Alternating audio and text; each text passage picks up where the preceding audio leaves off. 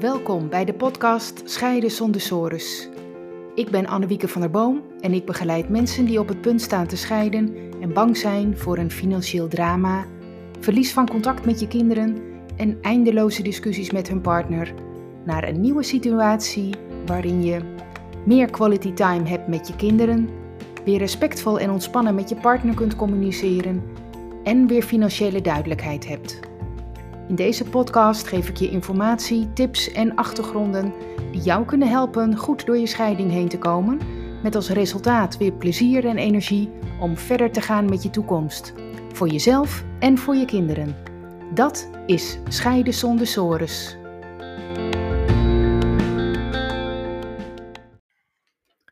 Leuk dat je weer luistert. Deze week ging ik aan de gang met het verplaatsen van een boekenkast ik dacht, doe ik even in een uurtje of zo, maar het viel ontzettend tegen. Ik wilde een slaapkamer wat anders inrichten en daar moest die boekenkast eruit, want dat neemt nogal veel ruimte in. Maar goed, het was een hele klus. Alle boeken eruit halen, naar een andere kamer sjouwen. Het was een halve verhuizing. Maar goed, het leuke is dan wel dat je af en toe ook een boek tegenkomt dat je nog een keer wil lezen, bijvoorbeeld. Want uh, je hebt er bijvoorbeeld uh, goede herinneringen aan. Of je kwam nog wat boeken tegen die ik al, ja, die ik eigenlijk kwijt was. Nou, leuk om dat gewoon weer tegen te komen. En um, ja, qua goede herinneringen kwam ik een boek tegen en dat heet Alleen op de Wereld. Misschien ken je het wel. Het is echt een klassieker van uh, Hector Malot, een Franse schrijver. En het boek gaat over Rémi. Een jongen die te vondeling wordt gelegd en daarna door zijn pleegouders wordt verkocht aan een muzikant die rondtrekt. Ik vind het een ontzettend mooi boek. Het bleek bij eh, eh, het, het, het handen gaan van al die boeken dat we er maar liefst drie exemplaren van, uh, van hebben. Eén hele oude die mijn man in zijn jeugd had gekregen. En, en die ook al veel ouder was dan hij zelf, dat boek één exemplaar dat ik zelf in mijn jeugd heb gelezen. En een heel nieuw exemplaar, dat, of vrij nieuw, een paar jaar oud, die ik heb gekocht uh, uh, een paar jaar geleden. Want die zag ik op de toonbank liggen van een boekenwinkel waar ik was. Waar ik voor een heel ander boek was. Maar toen zag ik dit liggen op de toonbank. En dat was zo ontzettend mooi geïllustreerd. Dat ik het gewoon niet kon laten liggen. En ik heb dat inmiddels ook alweer twee keer gelezen. En die uitgave, uh, mocht je denken, oh, dat lijkt me leuk. Um, dat is een uitgave uit 2016 met hele mooie tekeningen erbij. Volgens mij heeft die illustrator ook een uh, gouden griffel gewonnen. Um, uh, pagina grote illustraties. En op de voorkant staan allemaal bomen. En het is ook een moderne vertaling, dus het leest ook heel prettig. Um, ja, nu ik het toch over uh, erover heb. Er is ook een mooie tv-serie van gemaakt. Als je googelt, en dat heb ik net even gedaan om te kijken of die nog te vinden is. Als je googelt op VPRO en dan alleen op de wereld, nou dan vind je het zo. Dat is een serie uit 2016, een aantal afleveringen, een stuk of acht of tien of zo. En ja, hartstikke leuk voor kinderen, maar ook voor volwassenen. Ja, wat maakt dat verhaal nou zo mooi? Ja, het gaat over natuurlijk een heel groot drama. Een jongen die in de steek wordt gelaten, um, die zijn ouders ontzettend mist. En dan wordt hij ook nog eens door zijn pleegouders in de steek gelaten. En daarna verliest hij ook nog uh, heel veel nieuwe vrienden. En hij maakt ook nog veel ellende mee in zijn leven.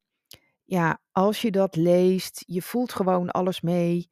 Um, je voelt gewoon helemaal hoe verdrietig en eenzaam hij is ja, dat doet me wel denken aan de situatie van kinderen na een scheiding. Hoe, dat die zich soms ook ontzettend alleen en verdrietig kunnen voelen.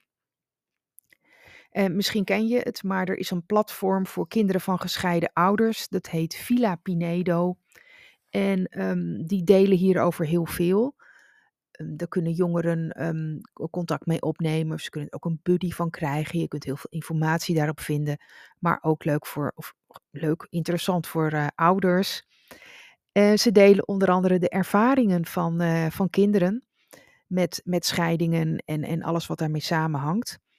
En ik zag deze week ook een bericht van hun dat één op de vijf kinderen het contact met een ouder verliest. Sommigen met de vader, sommigen met de moeder, sommigen voor een langere periode en bij anderen voor een kortere periode. En is het uh, inmiddels weer hersteld. Dat is natuurlijk best veel. En um, de kinderen uh, die dat is overkomen, die schrijven hierover uh, aan de ouders het volgende. Het herstellen van het contact met een ouder na een periode geen contact vinden we best ingewikkeld.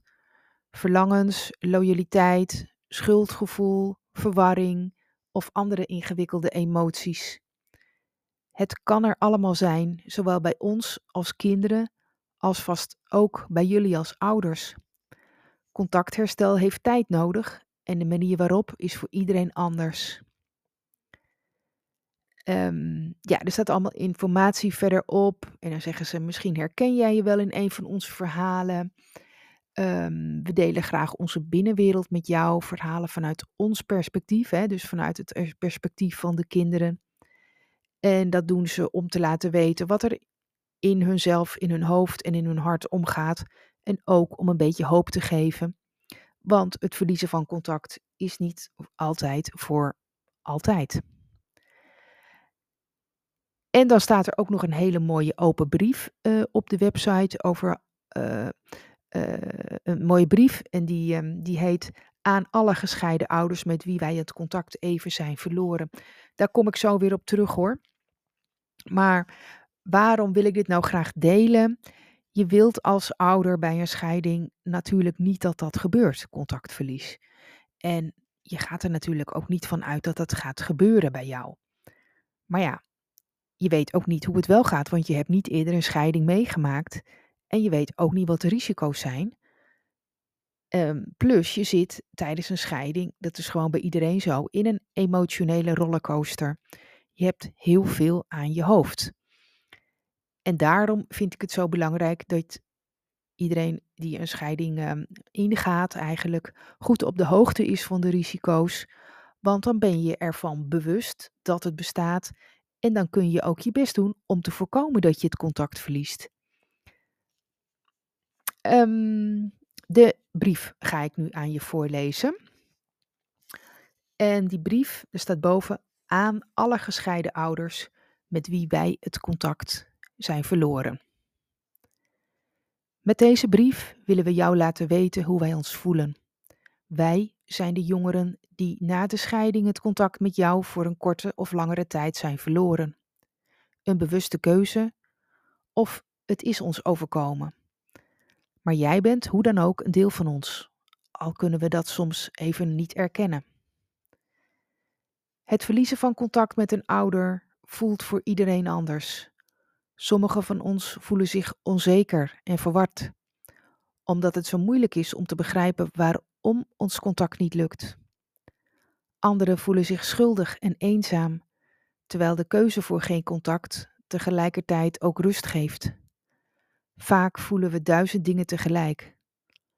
Toch verlangen we eigenlijk allemaal hetzelfde. Twee ouders die ons liefdevolle aandacht geven en steunen. Maar dat is voor ons nu niet de realiteit. Omdat het na de scheiding onmogelijk voelt om met allebei onze ouders een goede band te hebben. Of omdat we ons niet meer veilig voelen. Of omdat jij juist ons niet meer wil zien.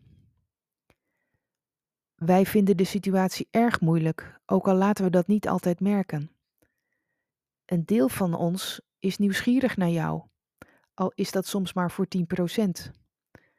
We vragen ons af of jij aan ons denkt, of we nog steeds op jou lijken en welke adviezen je ons zou geven. Maar soms kan een ander deel in ons nu niet in contact zijn met jou en hebben we afstand nodig om onszelf en misschien uiteindelijk elkaar weer te kunnen vinden. Dus mogen we je een paar dingen vragen? En hier komen dan een paar um, stuk of zes uh, vragen. Het helpt als jij de volwassene blijft, zodat wij het kind kunnen zijn. Wil jij je boosheid en verdriet met andere volwassenen bespreken? Onze keuze kan veranderen op een later moment, Soms is het heel lastig om te voelen wat we zelf echt willen. Wil je ons hier de tijd voor geven? Voor een aantal van ons kan het voelen alsof er geen andere optie is dan het contact te verbreken. Soms om te kunnen overleven na de scheiding. Wil je proberen niet te oordelen? En ook niet over onze andere ouder? Dat doet ons pijn. Wil je ons ruimte geven als wij een periode helemaal geen contact willen? En ons tempo en onze grenzen proberen te respecteren? Het kan heel pijnlijk voor ons zijn als jij het contact met ons verbreekt. Wil je begrip tonen voor onze emoties en je best doen om naar ons te luisteren als we in gesprek willen? Het kan ons rust geven om te weten dat jouw deur open staat en we die deur weten te vinden. Wil je ons nooit opgeven en er zijn, op afstand? Jij blijft altijd onze ouder. Ja, het contact verliezen met een van onze ouders voelt alsof we de open zee opvaren. Nieuw, wiebelig en onvoorspelbaar. Soms willen we terug naar het vasteland varen, maar hebben we de stroom tegen. Of sturen mensen onze boot een andere kant op. Soms komt er onverwachts een vloedgolf, worden we overvallen en begint de reis van vooraf aan. We moeten op ons eigen richtingsgevoel leren varen, zodat we, als we daar klaar voor zijn, het vasteland of de herinnering daaraan altijd terug weten te vinden. Namens een aantal jongeren van Villa Pinedo. Dat is het einde van de brief. Ja, deze gevoelens spelen er dus bij kinderen die het contact met hun ouders, om welke reden dan ook, voor kortere of langere periode missen. Dit weet je nu. Doe er je voordeel mee. Misschien om te voorkomen dat je in zo'n situatie terechtkomt, of mocht je in zo'n situatie verzeild zijn geraakt, om het contact weer te herstellen. Ik zet de link naar Villa Pinedo in de show notes van deze aflevering. En ja, wat ik al zei, op hun website kun je nog heel veel andere interessante informatie vinden. Oké, nou, als je deze podcast interessant vindt, dan vind ik het heel leuk als je een paar sterren geeft. Dat kan bij Spotify door in het overzicht van alle afleveringen rechtsboven op de drie puntjes te klikken. En bij Apple Podcast kan dat door op het overzicht van alle afleveringen een stukje naar beneden te scrollen.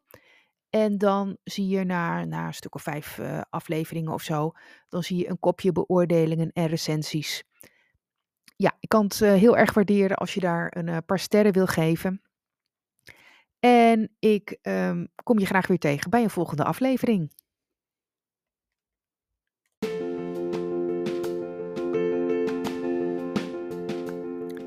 Leuk dat je hebt geluisterd naar deze aflevering. Ben je benieuwd naar meer? Abonneer je dan op deze podcast. Dat kun je doen door bij Apple Podcast op het plusteken rechtsboven te klikken en dan zie je volgen. Bij Spotify door linksboven op volgen te klikken. Wil je meer weten over mijn full service mediation? Bekijk dan mijn gratis video, waarvoor je je kunt aanmelden via mijn website annewiekebemiddeld.nl. Tot de volgende aflevering.